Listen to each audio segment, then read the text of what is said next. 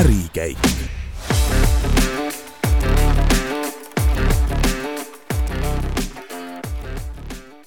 tervist, head kuulajad! eetris on ärikeenistuse saate Ärikäik juba kolmeteistkümnes osa ja saatejuhtideks, nagu ikka, Gert Tavasalu ja Berta Kortfelder. stuudios on meil täna külas Riho Antsmäe, tervist! tervist! Äh, tema on siis äh, Clean Hand äh, osaühingu juht ja see ettevõte jõudis avalikkuse teadvusesse rohkem siin kriisi ajal, kui olid igal pool nende Zappi desinfitseerimisjaamad püsti. aga nüüd on hoopis teine suund viimasel ajal võetud. aga alustaks äkki sellest, et kuidas see ettevõte üldse alguse sai, mis selle idee oli ja? jah äh,, oli kaks tuhat kaheksateist, töötasin üsna konventsionaalses äh, fast moving consumer goods valdkonnas ja, ja siis äh, paljud tehnoloogia ja üldse evangelistid ütlesid, et kivi kivi peale ei jää, et, et siis noh, mõne aasta pärast me enam ei, ei käi poes enam niimoodi, ei tee üldse asju niimoodi, nagu me praegu teeme. ja ma nagu sain nendest mõjutatud, jah küll seda täna vaadates ei ole nii, eks, et inimesed endiselt eh, käivad poodides, teevad oma asju enam-vähem sarnaselt, kuna nende harjumused on rasked muutuma, siis ma tajusin nagu sees sellist olukorda, kus, kus on kaks varianti, kas ma nagu jätkan samamoodi ehk konventsionaalselt või, või lähen selle vooluga kaasa äh, ja hüppan nii-öelda ise kaljult alla ja proovin hakkama saada, kuna ma olen oma karjääri teadlikult ehitanud nagu selles mõttes või noh, kas karjääri, aga vähemalt oma tööelu niimoodi, et ma olen valideerinud ennast alateadlikult kogu aeg, kas ma olen jälle järgmiseks leveliks valmis, siis mulle tundus, et ma tol hetkel, kaks tuhat kaheksateist, olin valmis võtma vastutuse nagu niisuguse laiema ja suurema. Ja siis äh, ma tajusin ka sellist asja, et ma suudan ehk otsida ja leida kriitilisi probleeme, millel on äh, suurem väärtus kas seal oli natuke võib-olla nagu maailma muutmise nagu tahtmist taga ka, aga võib-olla nii nagu ütleme siis õhinapõhine väga ei olnud, aga ma tahtsin midagi nagu natuke erilisemalt teha. ja, ja ma mäletan kaks tuhat kaheksateist, kui mul oli juba äh, selle eelmise ettevõtte tegevjuhi koha peal nagu viimased kuu aega, siis äh, põhiosanik küsis, et nagu mis sa tegema hakkad nüüd nagu.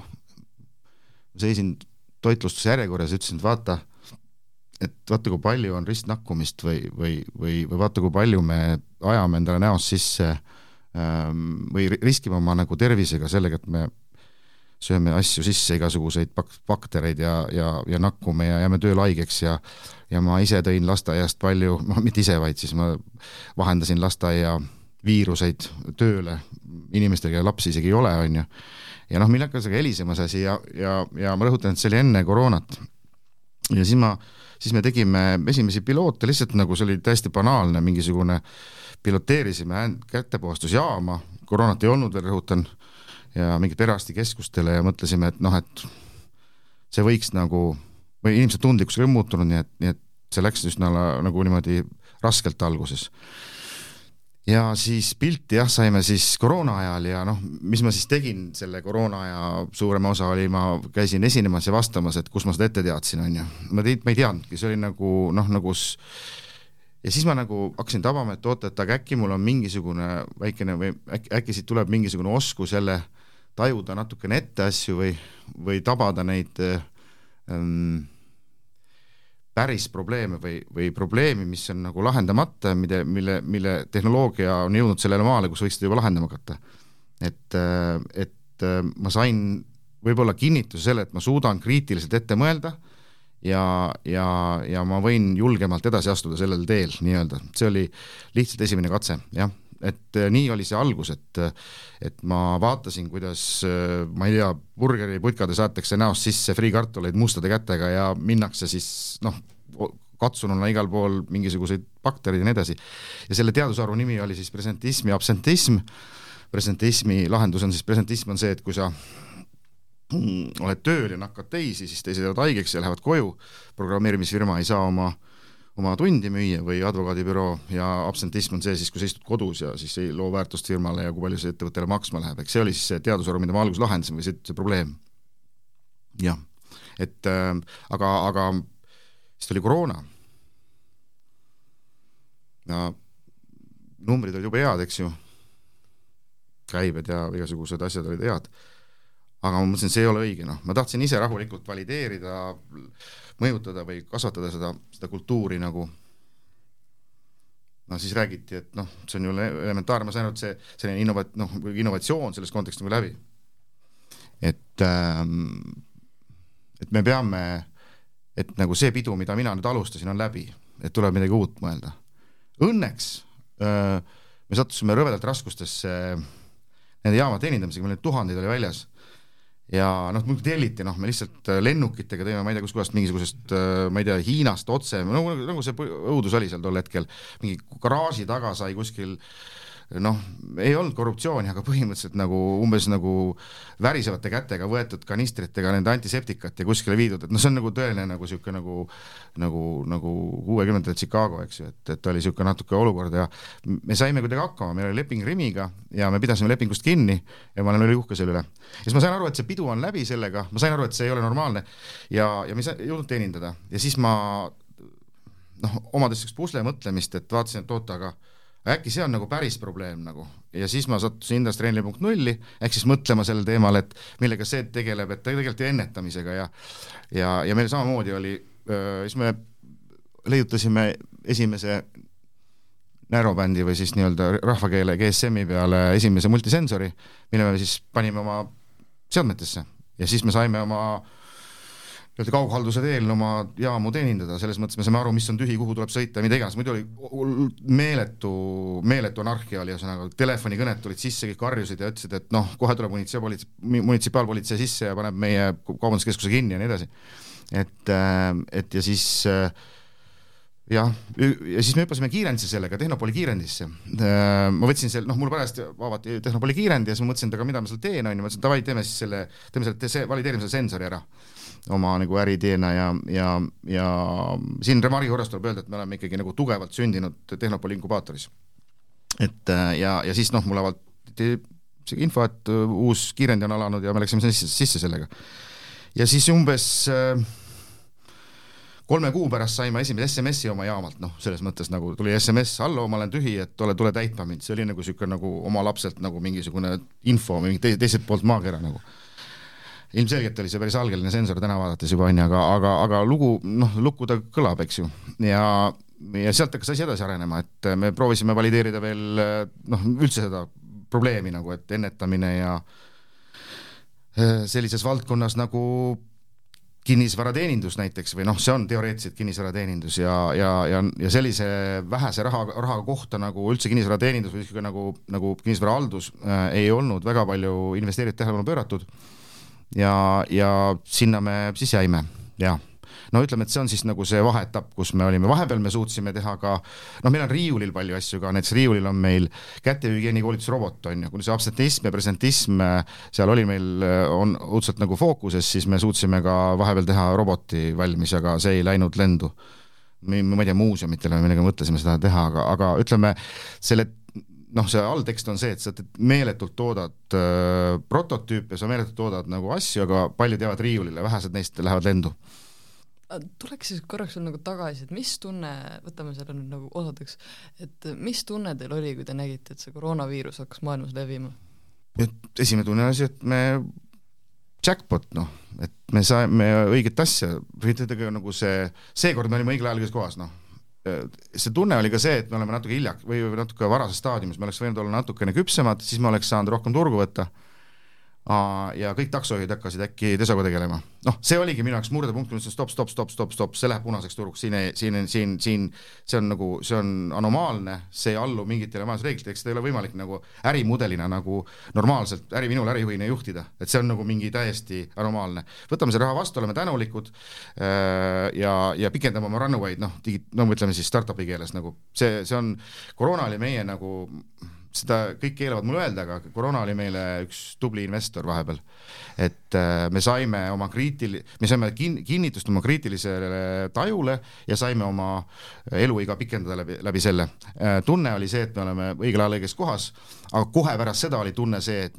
maailm on katki meie jaoks, et enam nii edasi ei saa, et jaa, raha tuli vasakult paremalt igalt poolt sisse, aga aga see tuleb kuidagi ka panna kasulikumalt teenima, siin on mingi päris probleem kuskil seal taga. ja õnneks see probleem karjus meile näkku selle selle teenuse probleem, probleemi kaudu. ehk ja, ja see on algus meie evolutsioonilisele arengule, millest tulenevad ka hiljem need muud lahendused, mis me välja nüüd nagu oleme, millega me oleme välja tulnud. ma ei tea, vastasin, vastasin küsimusele või? okei okay te vahepeal mainisite väga põnevalt seda, et telefonid helisesid ja inimesed karjusid, et kas te saaksite seda veel kirjeldada, see tundub üsna huvitav? palju seal inimesi teil tööl oli nii-öelda, kes seal ringi jooksid? seal oli, me sattusime nagu huvitavale ajale, kõik, maailm pandi kinni, eks ju, äh, kõik, riik maksis äh, inimestele mingit kompi, maksis selle eest, et nad tööl ei käi, on ju. ja siis neid inimesi oli õnneks üsna palju saada ja, ja kuna mulle kaaselajaid oli palju, noh, lähedaste hulgas siis äh, ma ei tea, ma nagu, kuidas ma ütlen, esimene crew, kes mul oli, no meeskond nii-öelda, et nad olid üsna lihtsalt tulemas, kuna, kuna see skaleerus, sinna tuli muidugi ka selliseid, kuidas ma viisakalt ütlen nüüd, nagu kullakaevajaid, jah, tuli ligi. aga noh, nagu näha, me oleme siiski elus, et nende tegevus ei mõjutanud meie, meie, meie, meie toimetamist, aga põhimõtteliselt see crew oli mm, seitse inimest ja me teen-, suutsime Eesti ära teenindada põhimõtteliselt tervenisti, seal oli, me tegime isegi piirkondadesse mingisugused tehnikud ja nii et seitse, või vahepeal oli kaheksa, aga põhimõtteliselt oli ikkagi nii, et et äh, väga paljud inimesed andsid teada, et mul on tööga pahasti, et äh, et kas ma saan sind aidata, kes mind teadsid nagu. ma ütlesin, mul on praegu vau wow,, et jaa äh,, mingid äh, ma ei tea äh,, lavameistrid, noh, üritused olid täiesti maas, eks ju, lavameistrid sõitsid, tegid kullerit ja mu sugulane, kes on tipplavameister näiteks, oli meil tehnik ja ülikihvt, kihvti ennast kogemuse sai ja ta oli nagu näpud püsti, noh, pärast hiljem läks kõik korda, et see nõudlus nagu langes, aga neid oli seitse ja kaheksa tükki, jah. palju neid nagu jaamu tippajal oli avalikes kohtades Eestis? kaks tuhat ja, ja ja me täpselt, täpselt ei tea ka, selles mõttes, et nagu me müüsime ka neid, noh, see müügi kui ka teenuse, teenusena on ju, aga meie siis kontseptsioon oli alguses see, et me ikkagi nagu pakume teenust, see tähendab, et klient ei pea süvenema äh,, masin on funktsionaalne kogu aeg, et siis see on nonstop teenus nii-öelda. ja ta oli ka tol hetkel päris kallis, kuna, kuna hästi palju nõudlust oli, et seal ei olnud nagu noh, võimalust ja, ja see, ja see oligi nagu meeletu, inimeste sees oli meeletu paanika. aga see alltekstina oli see, et kuna koroona oli negatiivne, siis oli ka meie teenus selline aa, aa, ah, te olete need mm, -hmm. ja siin pandi tempel, selle koroona tempel külge, et küll me teist paganatest lahti kunagi saame, kui see koroona möödas on. ja siis no ma mõtlesin, et ma ei taha, noh, ma ei tee äri selleks, et olla selles negatiivis on ju kogu aeg. et ma tahan olla kasulik, tark ja nii edasi. ja, ja noh, ega, ega, ega see kõrge aeg ei olnud emotsionaalselt lihtne äh, kellegile äh,, aga, aga, aga noh, ma ei ütle, et raha ei haise, aga põhimõtteliselt nagu, nagu ma ei tahtnud selles punases nagu siukses negat-, emotsioon, emotsioonis nagu tol hetkel olla, et, et sealt pidi midagi edasi juhtuma. see oli päevselge mulle, et ma lähen sealt edasi, et ma ei lõpeta sellega ja seal oli mitmeid kohti, kus meile öeldi, et pane nüüd kohe müü oma firma maha ja ja mida näiteks äh, üks meie, ütleme siis mitte päris konkurent, aga selle valdkonna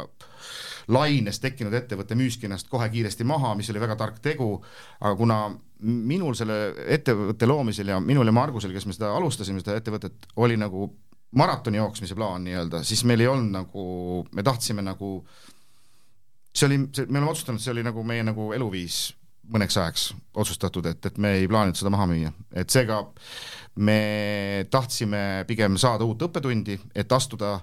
kvalitatiivsete inimestena ja ettevõttena järgmisele tasemele. me tahtsime midagi kasulikku võtta, et mitte lõpetada sellega. et äh, sealt tekkis see evolutsiooniline taipamine, et ja siiamaani ma ütlen, et, et, et see, kus ma seal olin, see vaateväli oli,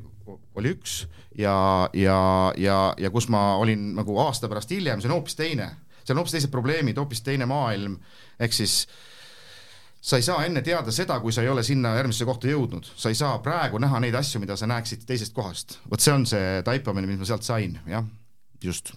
Te mainisite õppetunde, et mis on nagu noh, te kasvasite meeletult kiiresti ja siis see asi nagu või noh, see turg kukkus kokku veits mm. -hmm. et mis on nagu need peamised õppetunnid, mis te nagu sellest saanud olete? Ma olen õpet-, ma olen õppinud või mina isiklikult õppisin seda, et kuidas sellises agiilses olukorras hakkama saada või kuidas üldse olla. Äh, see ei läinud plaanipäraselt, et, et ja, ja ma olen äh, Mm, eks ta, eks ta esimene tunne oli küll abi, kui ma selle taipamiseni jõudsin, et äh, noh, number on hea, aga ma, mul ei ole järgmist plaani. et what's next, et äh, see oli päris abitu tunne ja siis käis nagu mul paaniline otsimine, et mis on see järgmine probleem, mida ma lahendan, kuna see on lahendatud juba, on ju.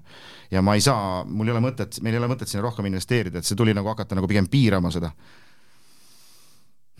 õppetund on see, et, äh, et kui läheb liiga hästi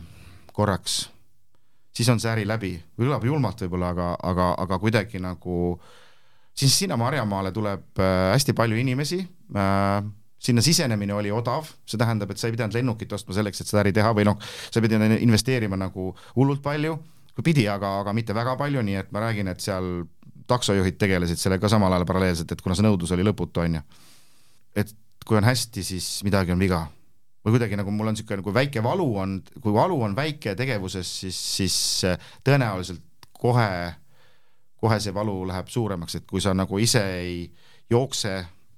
mingit perioodi ette, aasta-kaks ette oma mõtetes, oma tegevustes, sest selleks, et aasta-kahe pärast olla funktsionaalne, pead sa tegevusi alustama aasta-kaks varem.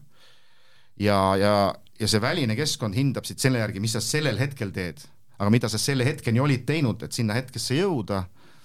Äh, seda pidid sa, selle teekonna pidid sa üksi läbi käima, aga siis nüüd nagu kui see aeg on käes, siis kõik, oo, vaat sa teed seda õieti, seda halvasti, on ju, aga seda pidid sa tegema, selle mõtte pidid sa mõtlema välja aasta ja kaks tagasi, umbes noh, ma ei tea, kas see kirjeldab seda olukorda, et see õppimine, kõige suurem õppimine oli see, et et ma tabasin ära koha, kus ma nägin, et kõik on suhteliselt hästi, aga kõik, midagi on valesti pildil. Ja midagi peab tegema, noh, ma ei ütle, et kas me kõike õieti tegime, me kõike õieti tegime, aga me vähemalt äh, tuvastasime, et olukord ei ole õige, et tuleb edasi minna. Äh, väga paljud jäid nagu õnnelikuks ja, ja selle tõttu siiani me oleme üks väheseid ka selle Säpi, Säpi brändi all, kes seda teenust teevad täisfunktsionaalsena, meil on, kõik toimib selles mõttes, veel enam me oleme selle edasi arenenud, nii et nii et kõik teised on nagu peale seda kriisi nagu ära kadunud. Ja siiamaani on meil muljetavaldav kliendibaas selles kontekstis ja nad usaldavad meid. äh, siin kõlas läbi, et nagu sellel asjal on niisugune natuke halb maik selle koroonakriisi pärast juures. ja sellel ja see, see, see kandus nagu meile ka üle natukene uh, -huh. et äh, me oleme nagu noh, ma ei taha, ma kuidagi tajusin, et me oleme nagu mingid äh, noh, see negatiivne hoiak algusest peale, et no olgu siis, ma olen sunnitud. ma ei tea, ei ole sunnitud, et noh take it or leave it, et nagu, nagu selle kuidagi nagu mingisuguse halva sellise niisuguse joi-, noh, et nagu riik nagu nõuab ja üldse ühiskond nõuab ja tarbijad nõuavad, sest see oli B2B äri, eks ju, et seda maksavad kinni ju, eks ju, kinnisvarahaldurid, ma ei tea, kaubanduskeskused, kommertskinnisvara omanikud on ju, ja see oli mingi täiesti taevast neile kulu. ja mina seda nagu ja noh, niisugune nagu tunne oli nagu, et ma oleks nagu selle ise selle nagu selle koroona lahti lasknud, on ju. et seetõttu ma äh, ma pidin pidevalt tegelema mentaalselt endaga sellega, et ma ei ole siin see paha poiss siin mängus, on ju, et vaid ma olen, äh, ma olen pigem selle probleemi nagu lahendaja või, või, või, või, või aga, aga see, see oli, see, see afektiseisund oli kogu ühiskonnal selline, et see, see see negatiivne hoiak kandus ka meile selles töös üle nagu. et äh, ja see mulle hästi ei meeldinud, et äh, mulle meeldib ikkagi positiivseid asju teha või kuidagi lahendada mingeid positiivseid asju. väga paljud olid äh, muidugi mõistlikud ja et cetera, aga üldiselt ikkagi nagu oli ka, oli ka selline jah, emotsionaalselt pingelisi kliente palju, jah no aga kas, äh, kas me nii-öelda kaotasime selle võitluse, kui te tulite selle missiooniga, et nii-öelda harjutada, et meil on siin-seal need kätepuhastusjaamad ja inimesed noh, on hügieeni, hügiene-, hügieenilisemad, siis äh, kas nüüd, kui see halb maik juurde tuli, siis äh, kas see asi nii-öelda kukkus kokku? Ei, ta ei kukkunud, ta kasvas nagu rahaliselt, ta kasvas ja, ja kõik oli nagu toimis, aga mentaalselt minu jaoks selle äri alustamise point oli see, et lahendada tõeliselt väärtuslik ja huvitav probleem ära. Ja, ja nagu meid on trillitud seal erinevates noh, meie maailmast, kust me tuleme, me tuleme nagu idu, idu, idumaailmast, kus meid siis mentorid ja kõik trillivad, et kuidas seda õieti teha, igal etapil valideerida ja teha korralikult ja mitte eksida ja et ma ei jõudnud seda teha ja selle tõttu oligi halb maik suus, et ma, see koroona lihtsalt lendas oma, oma asjadega peale, tekkisid isegi keeles tekkisid mingisugused väljendid, mida ennem ei olnud, mingi deso noh, siis need vanad tegijad, kes kogu aeg seda teinud on, räägivad, et see ei ole ametlik väljend, et mingisugused nagu tä-, see läks täiesti hullumeelseks. et igal juhul ma arvan, et see nagu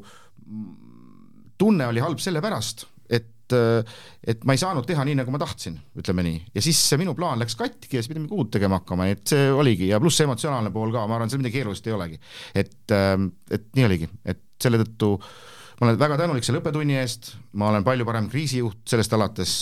ma ma olen õppinud palju inimesi tundma ja see oli nagu meeletu kiirkursus noh, mingisugusesse kriisijuhtimisse noh. et kuidas sealt nagu välja tulla ja niimoodi, et nägu tahmane ei ole pärast.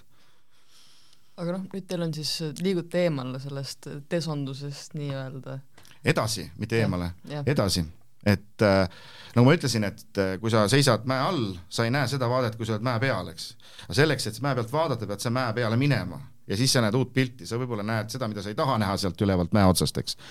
aga, aga mm, evolutsiooniliselt siis, nagu ma ka olen öelnud erin-, ennem ka, et noh, see olukord oli umbes selline, et siis meil läks nagu päris hästi, siis me mõtlesime, et noh, äh, see kaughaldus tundus nagu point, et lähme edasi, kaasame raha, ma usaldasin seda probleemi ma, ma, ma usaldan probleeme, noh et nagu likviidseid probleeme.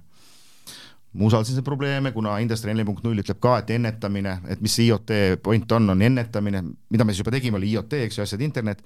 ja seal ühendasime seadmeid võrku, eks, küll läbi GSM-i, aga siiski,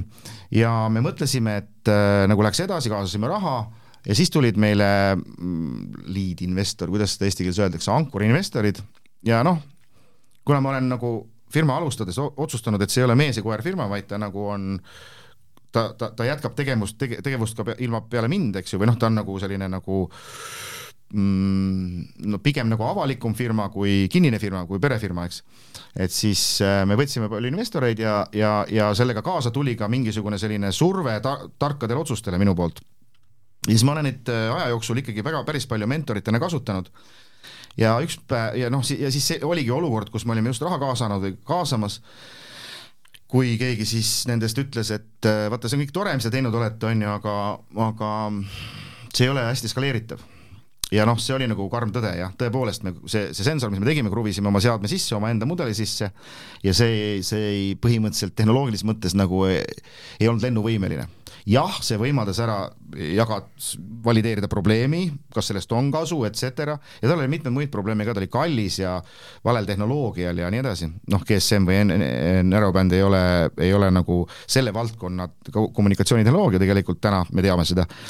ja siis nad panid meid, noh siis ma mõtlen kujundlikult niimoodi, meid pandi tuppa kinni, öeldi, et ennem sealt välja ei tule, kuni, kuni see skaleeritav lahendus samasugusele asjale on olemas, et ta, et sa ei digitaliseeri mitte ainult oma seadmeid, vaid sa digitaliseerid ka kõiki konkurente ja üldse sa noh, nagu, nagu et oleks, nagu läheks lendama. Ja siis äh, me ei, ei tulnud sealt ennem välja, kui meil oli see nutipatarei välja ära leiutud, noh, ühesõnaga kontsept, see nagu pivot oli valmis nagu ja siis äh, ma ei tea, see on mingi jälle tõenäoliselt kokkusattumuste asi, aga, aga, aga, aga me avastasime, et mitte keegi, hiljem avastasime patendiuuringu käigus, mitte keegi pole läbi patarei konsooli üritanud seadmeid digitaliseerida. sisuliselt äh, seesama, see dosaator, annusti, kuidas inimesed seda nimetavad, tal mootor töötab patareidega suur, suur, paljudel neist ja seal on patarei konsool ja siis see patarei funktsioon oli äh, Pivoti funktsioon oli siis, selle patarei funktsioon oli läbi patarei konsooli lugeda signaale seadme seest. Ja siis äh, selle läbi äh, siis tuua ta nagu dashboard'i, ehk siis me digitaliseeri- di,, digitaliseerisime läbi mm, patarei konsooli, lugedes analoogsignaale sealt seest, digitaliseerisime väljapoole, ehk siis saatsime info välja sündmustest, mida seade tekitas ja, ja siis ülla-ülla seal ei olnudki jah, mingit lahendust enam maailmas pakkuda, mille me ka siis nagu patenditaotluse sisse andsime ja, ja, ja, ja siis äh, hakkasime seda tegema, see oli kaks tuhat kakskümmend üks oli pat-, patarei kujuline äh, noh, ta näeb niisugune ta näeb niisugune välja, noh, ta on C-kujuline patakas on ju, läheb pat, ühe patarei asemel, ta patarei suurune, eks ju. ma teistele siin näitan, jah, et äh, ja, ja ta on nii, siis me sattusime kinnisvarahalduse valdkonda ja, ja, ja sealt tulid teised nagu ennetavad äh, ennetavad küsimused juurde, et meil oleks vaja ka digitaliseerida teistsuguseid kinnisvarahaldusseadmeid nagu mingid paberidosaatoreid ja neid sündmuskohti, kust lugeda andmeid, tekkis nagu kogu aeg juurde, ehk siis see, see oli väga hea ukseavaja, kuna ta oli unikaalne IoT maailmas ja sellest alates me saime hästi palju huvitavaid probleeme teada, mis tegelikult on. ja nüüd tuleb jälle see koht, et me ei teadnud seda enne, kui me GSM moodulit tegime, et niisugune probleemi hulk selles valdkonnas on. ja siis meil avanes täiesti uus maailm ja, ja, ja jälle äh, ja sealt saime siis edasi minna, nüüd me siis tuleme juba kaks tuhat kakskümmend kaks aastasse, aga seal on siis juba uue, uue sensori lugu. ehk teisisõnu, me jälle tõestasime endale, et me suutsime leida unikaalse probleemi ja me läksime kuni seal suitsuanduriteni välja, et äh, ma ei tea, digitaliseerime, ma ei tea, koroonapatareiga konventsionaalse suitsupat- või vabandust, suitsuanduri, mida on siis miljardide maailmas, on ju, et, et siis äh, ja, ja noh, see tehnoloogia, see, see tehnoloogia, mida me leiutasime, sobiks tüvitehnoloogiaks väga uskumatutesse kohtadesse, et see oli meile suur eureka. aga noh, seal muidugi tuli kohe see ette, et seda, sinna, seda, seda, seda tuleb hakata valideerima, tuleb hakata investoreid veenma, et see on huvitav ja nii edasi. nii et äh, see, see on nüüd siis olnud mul, see patarei on olnud nagu väga suur ukseavaja äh, äh, ütleme, IoT kasutavate klientide maailma just kinnisvara ja kinnisvara valdkonnas just, et äh, noh, see on siis nagu, võib-olla ma äh, sulgen selle teise etapi sellest, selle taipamist ja etapist, kus me nagu, kuhu me jõudsime. et selleks, et sa saaksid edasi minna, selleks sa pead midagi avalikkusele huvitavat pakkuma, et nad avaksid sulle oma probleemid, uued probleemid, mis võib-olla on hoopis väärtuslikumad. ja see on ju, see on juba järgmine etapp sellest meie loost nii-öelda kui te saaksite nagu luge- või nagu kuulajatele, kes ei ole väga nagu sel-, sees selles maailmas, seletada nagu lihtsalt, et mis on see teie nagu uus lahendus, mida te pakute? võtame muusika näiteks, jah, et on olemas äh, edetabelid, on olemas nagu raa-, ma ei tea, üldised edetabelid, kuhu muusikat saab nagu edetabeli tippu ja seal noh, mängib ja on edukas. kõige suurem edetabel seal on näiteks äh, tehnoloogia valdkonnas mingisugused Tesla, Apple, noh, kõik, kes on nagu on the top, kõik teavad, kõik saavad aru, et see on nagu äh, väga tähtis, aga on olemas äh, skeene, skeenede nagu tipud. Ja nüüd selleks noh, näiteks nagu ma ei tea, seal raske muusika, pop, mis iganes, räpp ja nii edasi, et nüüd, et nüüd et, et ma pean seletama sellest nagu alamlõigust, et, et et IoT-d on nagu palju, kui me läheme nagu detailidesse, siis me läheme sellesse skeene sisse, selle IoT skeene sisse, mis proovib lahendada äh, teatud äh, täna teatud äh, kinnisvarahalduse ja jäätmekäitluse probleemi, aga sa pead ka selle skeene sees olema konkurentsivõimeline kohe, sest muidu sind süüakse naha ja karvadega ära. et võib-olla nendele, kes asjas sees ei ole, äh, see Äh, äh, üld, üldpõhimõte on see, et mida IoT teeb. IoT kaug, kaugelt sinu telefoni või arvuti ekraanile ütleb, kui midagi on, kus, kui sul on vaja sellele reageerida, mingile sündmusele. ehk siis ei ole mõtet inimest kasutada kas auto või jala või multisensori, et ta läheb kohale ja vaatab, et vesi, muld on kuiv ja tuleb nii kakskümmend kilomeetrit sõita, et muld on kuiv ja tuleb hakata kastma. selleks on olemas sensor, mis pannakse mulla sisse ja mis saadab sulle signaali, et nüüd on kasta vaja ja keera kraan kodus lahti. nii. ennetamine. teine funktsioon IoT-l on häiretele reageerimine äh, vabandust, see oli nüüd häiretele reageerimine, aga ennetamine on siis see, et, et me näeme mingisugust, äh, me tajume, meil on olemas tajur äh, ehk siis sensor, mis ütleb, et varsti see olukord hakkab juhtuma näiteks äh, kui äh, mm, ma ei tea, mingi laager kuskil tööstuses hakkab undama, siis ta kohe lendab. Ja kui ta lendab, siis jääb terve liin seisma, liini seisuaeg on näiteks sada tuhat eurot tunnis, on ju. et see on siis nagu ennetamine, me ta tajuritega otsime äh, probleeme äh, ja proovime prognoosida, mis homme juhtub, kui selline sündmus juba toimub siis autokorrelatsiooni käigus, et me saame öelda, et ülehomme käib pauk põhimõtteliselt. ja see on niisugune nagu ennetamine, see on lihtsale, ütleme need, kes ei, ei, ei, ei, ei ole valdkonnas sees, et mida see IoT teeb ja siis sinna peale on piiramatult võimalik eh, laadida erinevaid tarkvarakihte, eh, väärindades seda suurandmeid, mida, mida siis meiesugused IoT ettevõtted nagu kaevandavad eri punktidest mulla alt. Londonis on rotilõksud on pandud, noh, seal on meeletu see allmaailm seal ja need rottide probleem on suur et, et äh, kui hiirelõks läheb kokku, et ta mädanema ei läheks, siis noh, tuleb signaal ja minnakse puhastatakse ära. ehk siis see on selline nagu, äh, et me, me võtame inimese ära sellest kohast, kus ta peab toimima multisensorina ja paneme sensorid seda tegema mm, ja nüüd jõudes siis nagu selle skeene sisse, siiski sensoreid on olemas juba kakskümmend aastat igasuguseid, nad lähevad aina väiksemateks ja nii edasi. aga selleks, et seal ka olla konkurentsivõimeline, pead sa ka skeene sees leidma väga Äh, huvi, õige probleemi äh, ja nüüd tuleb mängu see minu või noh, ma proovin nagu mängida sellist mängu, et siit tuleb mängu see minu ärijuhi nagu loogika, et ma, ma ei ole insener, sest suurem osa IoT ettevõtteid maailmas inse-, on inseneriettevõtted, kes teevad mingi asja valmis ja loodavad, et lendab aga meie põhimõte ka tänu Tehnopolile või sellele noh, selle haridusele, mis ma siin äh, startup'i ma äh, kogukonnas olen saanud, on see, et ma pean valideerima ka kliendiga ka noh, ütleme igas etapis selle ära, et kas see kasutusjuht on piisavalt skaleeritav. ma kordan kas see kasutusjuht või see lahendus on piisavalt skaleeritav, vastasel juhul pole mõtet seda junni teha. no toon näite praegusest hetkest, et kui meie teeme tikutopsi suuruse sensori jäätmekäitlusele, siis täna turul mängur, needsamad sensorid on telliskivi suurused, eks ju. et, et, et ja mis omakorda väiksus tähendab, tähendab seda, et sa saad seda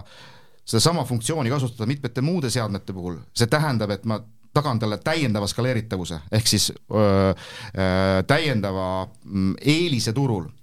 ja nüüd öö, skeene sees me otsimegi unikaalselt skaleeritavaid probleeme.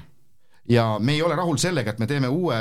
ütleme, me, me kopeerime mingisugust olemasolevat lahendust ja teeme kehva koopia sellest, vaid me peame leidma selle niši äh,, valideerima selle niši ära, et see on probleem selle skeene sees, ehk siis ma ei tea, räppmuusika sees on selline nišš veel olemas ja, ja, ja me, meie tahame olla selles maailma parimad ja vajutame gaasi selles nišis paika. Ja mis taipamine veel on olnud selle käigus, mida mulle on antud pärast nagu äh, investorite ja ütleme, meie mentorite ja asjade poolt nagu noh, selliste rollide poolt nagu tagasisidet on see, et nad, nad, nad, nad hindavad kõrgelt meie me,, meid, sest me, me ei lähe liiga laiaks, me ei tee end-to-end, noh, vaik-, me ei tahaks teha end-to-end lahendusi, see tähendab seda, et me teeme rauast kuni maailma kõige konkurentsivõimelisema dashboard'ini välja, vaid me keskendume suures osas äh, või põhiliselt äh, suurandmete kaevandamisele äh, skaleeritavatest kohtadest, kui lühidalt öelda ma ei tea, kas see oli, nüüd oli, kas see oli nagu siis, äh, kuidas tundub, kas see oli nagu arusaadav? arusaadav on kindlasti äh,. kuidas siis see uus suund teil läinud on, ma vaatasin, et vahepeal teil see käive oli suht madal, aga see on jälle tõusma hakanud. Äh, jaa, me otsisime, seal oli, no nüüd läheb juhtimisalaseks asjaks, eks ju, et et, et me otsustasime reorganiseerida SAP-i ja mitte ära kaotada seda, mis sest, et koroona on läbi. ja nüüd ta on transformeerunud äh, AFH ehk siis niisugune tööstusharu on nagu away from home äh, sektorisse, see on siis need äh, tavaliselt äh, sun, avalikud sunroom'id äh, ja nende kulumaterjalid äh, ja, ja tegime nagu kaks ärisuunda Äh, ja kuna me tegime sensoreid juba ka SAP-i, nii-öelda SAP-i ajal nii-öelda, aga, aga kui me läksime kuskile rääkima sellest, siis öeldi, aa, tere, Deso mehed, et kuidas teil läheb, et kuidas Desoga läheb, siis me viskas nii ära, et me mõtlesime, et me teeme teise brändi. Et see on ikkagi, lepime kokku, et see on IoT ja nüüd siis orgaaniliselt tekkiski niimoodi, et, et eks kaks ärisuunda, ehk siis äh, SAP on AFH, kes on nagu nutikam AFH, see tähendab, tal on oma sensorid ja sisuliselt on ta nagu Ibioti sensorite, selle sensoris äh, meeste nii-öelda leiutiste nagu implementeerija siin regioonis. IBIOT omakorda on inseneeria puhtalt, IoT inseneeria ja kes skaleerib üle maailma seda asja, ehk sisuliselt SAP on IBIOT-i edasimüüja siin regioonis ja sellele SAP-i ärijuhi ametil on noh, nagu väga pädev inimene, kes usub äh, ja me proovime siis äh, teha natuke targemini võib-olla seda AFH-d ja, ja, ja aidata oma klientidel säästa läbi digitaliseerimise ka kulu äh,, kinnisvarahalduses kulumaterjale. et see on siis nagu SAP-i ideoloogia ja siis Ibiot kõrvalt teeb siis, no me tegime, Säpile tegime äh, siis nagu restruktureerimise ja tõepoolest mul on hea meel öelda, et tema Säpi käive nüüd aasta vähemalt äh, hil-, äh, ütleme siis eelmise aasta lõpust kuskil, ma ei tea, viisteist protsenti kuus kasvab. et see ei ole üldse paha, et ja sihuke ameerikalik stiil, et kõik, see mudel ei toimi, kõik maha, kõik kinni kiiresti ja teeme uue asja, et vot me ei teinud nii. ja, ja, ja meil tuli üks investor lauale ja ütles, et kui te tahate nagu, kuidas ta ütles, et kui te tahate sensoritele piisavalt raha, siis tehkem säpp korda. Ja siis ma ütlesin, et see ei ole nagu võimalik ja, ja siis ta ütles mulle, mõtle veel korra ja siis ma ütlesin, et see on võimalik. Ja siis ta nüüd ongi hästi kõik, et selles mõttes, et nagu ta lähebki täitsa korralikult ülesse ja kõik need, kes olid pessimistid, ta on rebranding'u teinud, ta on nüüd nutikas haldus, ta ei ole enam, ma ei tea, kätepaar korraga või mis meil oli seal, et ta on nüüd nutikas haldus ja, ja see aitabki kinnisvarahaldajatel teha oma tööd nutikamalt, digitaalsemalt ja, ja, ja kulusäästlikumalt see on Säpist nüüd jah, et mis Säpist saanud on ja ta teeb AFH-s suuri tegusid, ma arvan, lähiajal ja juba teebki jah. kui selle asjade internetiga nagu nii-öelda probleeme leiutada, siis äh, kuidas otsida tähendab jah? jaa ja. ja., kuid-, kuidas ähm, selle tehnoloogia nagu hinnatasemega praegu on, et kui teha äh, mida inimesed eeldavad, et on no, neile kas tasuta või hästi odavad teenused mm, -hmm. nagu mhm. kätte desomine, kui see teha niisuguseks hästi kõrgtehnoloogiliseks mm, -hmm. siis kas see on praegu nagu kasulik üldse või on nagu tehniliselt, rahaliselt lihtsam saata see inimene sinna töllerdama ja ja, ja see on väga hea küsimus, et et no ilmselgelt peab sellest tehnoloogiast kasu olema, majanduslikult kasu. et miks noh, tiht-, enamus on, on vaja, et sellest on kasu mm, kui inimese väljasõit, tühi välja, ütleme, nimetame siis nagu meie lahendame väga paljuski kohtades neid tühi väljasõite. et kui sa suudad viiskümmend protsenti vähendada läbi selle digitaliseerimise tühisõite ja me ütleme, et inimene on kõige kallim ressurss, siis ilmselgelt äh, võib selle sensori eest maksta või selle tehnoloogia eest maksta päris palju. Kui sa saad näiteks, sul on, ma ei tea, ka kümme autojuhti ja sa saad pooled po,, pool, pool, pool oma autoparki ja inimesi vähendada selle võrra, et nad teevad vähem tühisõite, siis nagu ma tihti ei saa aru, kui öeldakse, et mu sensor on kallis, kas su rumal äh, protsessi juhtimine praegu on siis odavam või, et on mu küsimus, et kui sa teed nagu viiskümmend, no ma ei tea, mul on ekstreemsematel juhtudel olnud ka viiskümmend protsenti tühisõite, ma küsin, et millest me räägime üldse selle sensori return, ROI on üheksa kuni kümme kuud, on sul mõni teine investeering, mis äh, nii kiiresti ära tasub või? näita mulle seda oma investeeringute edetabelt järgmiseks aastaks ja ütle mulle, millise ROI-ga need äh, investeeringud sul on. mina ütlen, et see on üheks, noh, ütleme äh, erinevates situatsioonides kuus kuni kaksteist kuud on IoT ROI, eks ju ja ma arvan, et äh, ja, ja me teeme nagu päevast läbi nagu täiesti uskumatuid rumalusi, mis tehnoloogia on ammu olemas juba. Ja majanduslikult ei ole konkurentsivõimelised, sellepärast et me, meile meeldib nii töötada, eks ju. et seetõttu ma nagu keeran selle küsimuse nagu teistpidi, et äh, mida sa küsisid, et, et äh, tasuta ei ole mitte midagi. Mul üks Hollandi äh, nagu partner ütleb, et päike paistab tasuta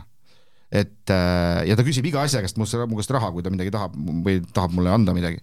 ja ma imestan, et mina annan seal prototüüpe sealt, või ütleme siis nagu näidiseid tasuta. ei, ta ütleb, et äh, jaa, palun võta, siin on näidis, aga kolmsada eurot ütlen stopp, oota, ma tahan nagu valideerida seda, ei kolm, jaa, kolmsada eurot ja siis valideeri, jaa.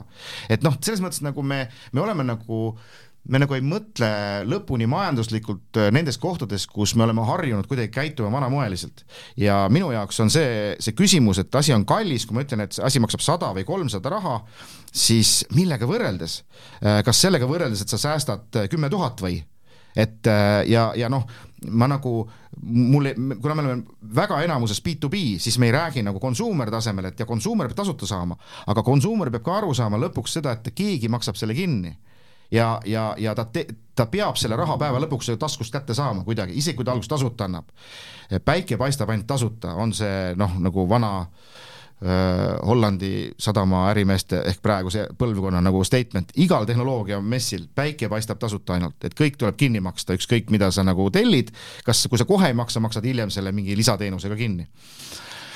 ja B2B-le rääkides me räägime põhiliselt ikkagi sellest kokkuhoiust, mida see tehnoloogia to toota saab ja vähenevast süsinikujäljest, äh, kuna IoT on rohetehnoloogia, eks ju, ta vähendab äh, nagu tühisõit, äh, kui, kui, kui me võtame siis nagu, räägime IoT-st kui, kui rohetehnoloogiast. kui üks kilomeeter jäätmeveoki, tähendab ühe liitri kohta, kütuse kohta paiskab üks jäätmekogumise veok kolm koma viis kilogrammi äh, süsinikku äh, keskkonda, siis see on väga oluline mõju, et, et me saaks tühikäik, tühisõite vähendada. et äh, süsiniku jalajälje ja, ja, ja mina ütleksin, et, et, et, et, et, et ala, väga palju hinnatakse seda kokku hoida, mida IoT teeb, aga mida IoT saab kokku hoida, aga, aga minu arust on vähe tähelepanu pandud sellele, kui palju ta tegelikult keskkonda säästab et kui me räägime süsiniku jalajälje, meil sulab kohe seal Arktika midagi ära kolmekümneks aastaks, mis siin ähvardatakse meid, on ju, ja me peame seda aeglustama, et noh, ütleme, ülejärgmine põlvkond on niikuinii juba äh,, on totaalne kriis, on ju. Siis me peame jär-, vähemalt meie järgmisele põlvkonnale tagama mingi kvaliteetsema elukeskkonna. ja, ja, ja, ja minu arvates nende uute tehnoloogiate, sealhulgas asjade interneti kasutuselevõtul, millel on suur keskkonnaalane mõju, kasutusel, kasutuselevõtt on liiga aeglane ja aeglane ta sellepärast, et inimesed on mugavad, neil ei ole üleuputusi, neil ei ole veel päriselt kriisi, meil ei ole päriselt immigratsiooni, kes, mis, mis tuleneb, eks ju, kliimamuutustest, jah. ja, ja, ja et, et äh, ka tehnolo-, tehnoloogia inimesena ütlen ma seda, et me, me kasutusele, me ei ole päris aru saanud, mis tegelikult toimub. Äh, kuigi meie kätes on kõik see tehnoloogia olemas, äh, jonnime me vastu ja ei ole nõus kasutusele võtma ja oma süsiniku jalajälge näiteks vähendama see on nagu minu claim sealt minu tooli otsast nii-öelda, mida ma kõrvalt näen, kui noh, mingid munitsipaalidega tegelen praegu palju ja ütlevad, et ma ei tea, noh, koristaja niikuinii käib seal ju noh, vot seesama, ta niikuinii ju käib seal jaa, aga, aga nüüd on see, et sul on ultimate goal on vähendada sünnike jalajälge, nüüd hakkame mõtlema sellest lähtuvalt, et et, et, et kas ta peab seal käima, kas ta peab istuma kettasse, käivitama äh, auto ja tegema ühe tühisõidu ja näitama, et ta teeb tööd. no ei pea et äh, see põhiline väl-, üleskutse minu poolt on see, et ärme kasutame äh, sise, no ütleme, ärme põle, ärme kasuta ressursse valesti ja inimesi multisensorina, selleks on tehnoloogia, selleks on olemas tehnoloogia. paneme need vidinad igal pool üles ja teeme tarka tööd, mida inimesed tehakse ja keskendume just nimelt järgmistele põlvedele elamisväärse keskkonna taga, tagamisele. Et see on nagu see noh, ma proovisin nagu kinni traageldada selle IoT külge, et miks ta maailmas üldse oluline on, eks ma loodan, et see, kas seal oli mingi point, ma loodan. ikka. Te olete niisugune, tundub, et oraakellik figuur, et mis see järgmine probleem on, mis te lahendama hakkate? on juba välja vaadatud mõni? jaa, me oleme jah, või tähendab, tähendab, mul on nii suur probleem ees, et ma tõenäoliselt, mina saan rahulikult äh, äh, ma, ma arvan, et ma saan äh, oma ressursi ilusti lõpuni selles kulutada. see on jäätmekäitluse digitaliseerimine, jah ja, ja ma juba natuke ripsasin seda pinda siin, et et üheksakümmend viis protsenti või üheksakümmend protsenti maailma munitsipaalide, munitsipaalprügist ei ole digitaliseeritud, tähendab, et nad miljardeid kilogramme asjatult paiskavad õhku süsinikku oma veokitega, pluss ületäitunud prügikastidest äh, Äh, lekib keskkonda jäätmeid ja no see on nüüd nii suur probleem, et noh, selleni, selleni, et ma, et ma selleni jõuaksin, siis, siis ma pidin kõik selle tee läbi käima. et, et ja, ja, ja mis on, mis on, mida, mida Jumal on mulle nagu õnneks lauale pannud, et seesama tehnoloogia, mida me siin nokitseme, need on olnud nagu vaesed versioonist sellest, mis me nüüd, kuhu me täna jõudnud oleme et äh, ja see oligi nagu kuidagi, see tee on meil orgaaniliselt sinna jõudnud, et, et, et, et, et, et, et kinnisvarahalduses on ka tegelikult ju jäätmed, jah. ja seal me taipasimegi ära, et, et noh, tegelikult jube lahe oleks äh, ka sise äh, avaliku ruumi sise jäätmemahuteid digitaliseerida, et kui me juba seda muidust digitaliseerime siin, eks ju, et siis siis me avastasime, et vau wow,, aga päris probleem on üldsegist nagu üldse prügi ja, ja korraldatud, noh nüüd siis tuleme, hüppame siis prügimaailma sisse siia, on olemas kahte liiki, on munitsipaalprügi ja on olemas korraldatud jäätmevedu äh,. ja, ja kui palju, et noh, homme noh, sisuliselt homme saame nagu miljoneid äh, kilogramme süsinikku vähendada sellega, et me digitaliseerime ära korraldatud jäätmeveo mis on kuusteist aastat vana seadus, jäätmeseaduse peal töötab praegu ja kus äh, te kõik olete kodus, kus teil prügi veetakse, on ju, te olete kokku leppinud, kord nädalas on teie prügivedu. kes ütles, et see kord nädalas on? Te olete ise nagu inimsensorid, kes on arvanud, et teil kord nädalas on vaja teha. seitsekümmend viis protsenti äh, konteineritest äh, tühjendatakse pooltühjalt noh, see ei ole nüüd nagu väga oluline, aga veel olulisem on see et, et viiskümmend protsenti konteinerit tühjendatakse kas liiga vara või liiga hilja, no minu arust see on nagu väga suur. sisuliselt kuni viiskümmend protsenti on võimalik süsiniku jalajälge vähendada äh, jäätmeveokorralduses. nii et äh, ja, ja ma ütlen ausalt, et ähm, no ma olen valmis selleks jah, et see on nagu minu jaoks väga mm, väga huvitav äh, ja ma tean, mis seal toimub praegu Äh, ja, ja enamus meie selle valdkonna ettevõtted on inseneripõhised ja ärijuhtimislikku pointi seal väga palju ei ole ja hetkel on see nagu kõvasti plahvatamas. Äh, ja, ja, ja ma arvan, et see ongi vastus küsimusele, et see ongi meie äh, praegune asi, mida me teeme, me ei jäta kinnisvarahaldust kuskile, aga, aga me vaatame, praegu valideerime seda, palju selles kinnisvarahalduse raha on üldse, et, et, et tehnoloogiale kulutada, kui palju nad on nõus oma ütleme, jäätmekorra- jää,, vabandust, kinnisvarakorraldus, kinnisvara juhtimise põhimõtteid muutum-, muutma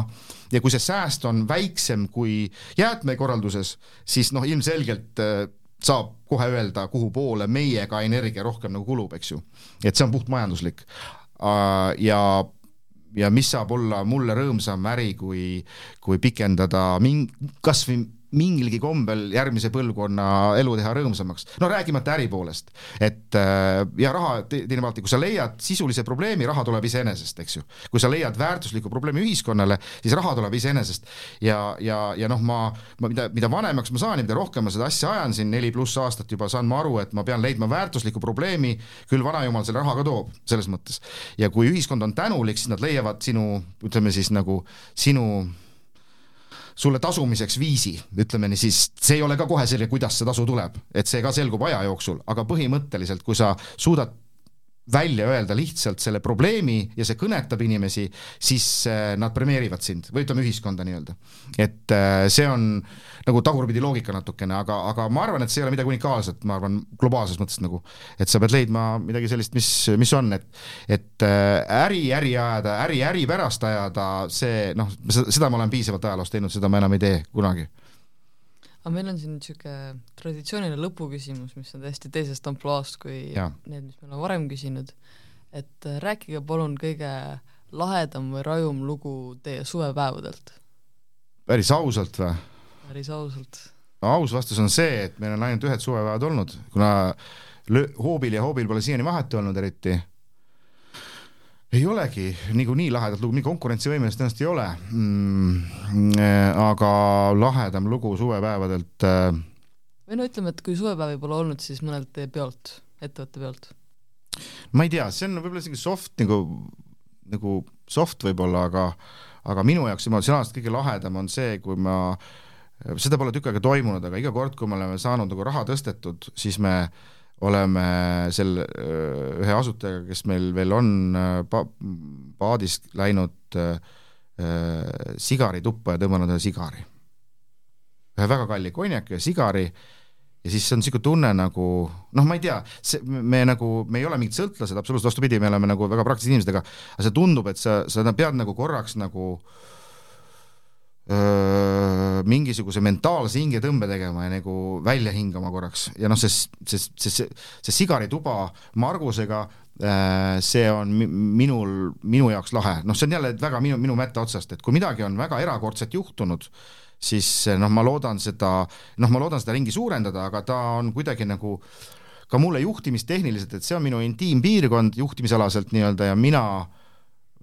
et, et, et, et ma kuidagi nagu tähendan selle enda mentaalselt enda jaoks ära, teiste jaoks ka markeerin ära, et, et midagi erilist, me, me, me saame nüüd korraks välja hingata. et ma ei tea, see pole midagi erakordset, aga, aga, aga ma tegutsen väga palju ainult selle menta-, mental state'i tagamiseks, et see sooritusvõime oleks olemas ja selle tõttu ma loon, arvan, et see on ka erakordne, vähemalt minu isiklikult minu jaoks. ja ma loodan, ma nüüd võtsin selle pähe, et ma pean sellega midagi tegema, ma olen selle jätnud lohakile, et ma peaks seda kordama veel, et võib-olla, kas see oli, ma ei tea, see on võib-olla huvitav selles kontekstis, aga, aga, aga noh, ettevõttega seotud selline, selline väikene traditsiooni alge on meil olemas küll, jah. Selge, aga aitäh tulemast ja aitäh kuulamast! aitäh kutsumast ja ilusat päeva kõigile kuulajatele, teile ka!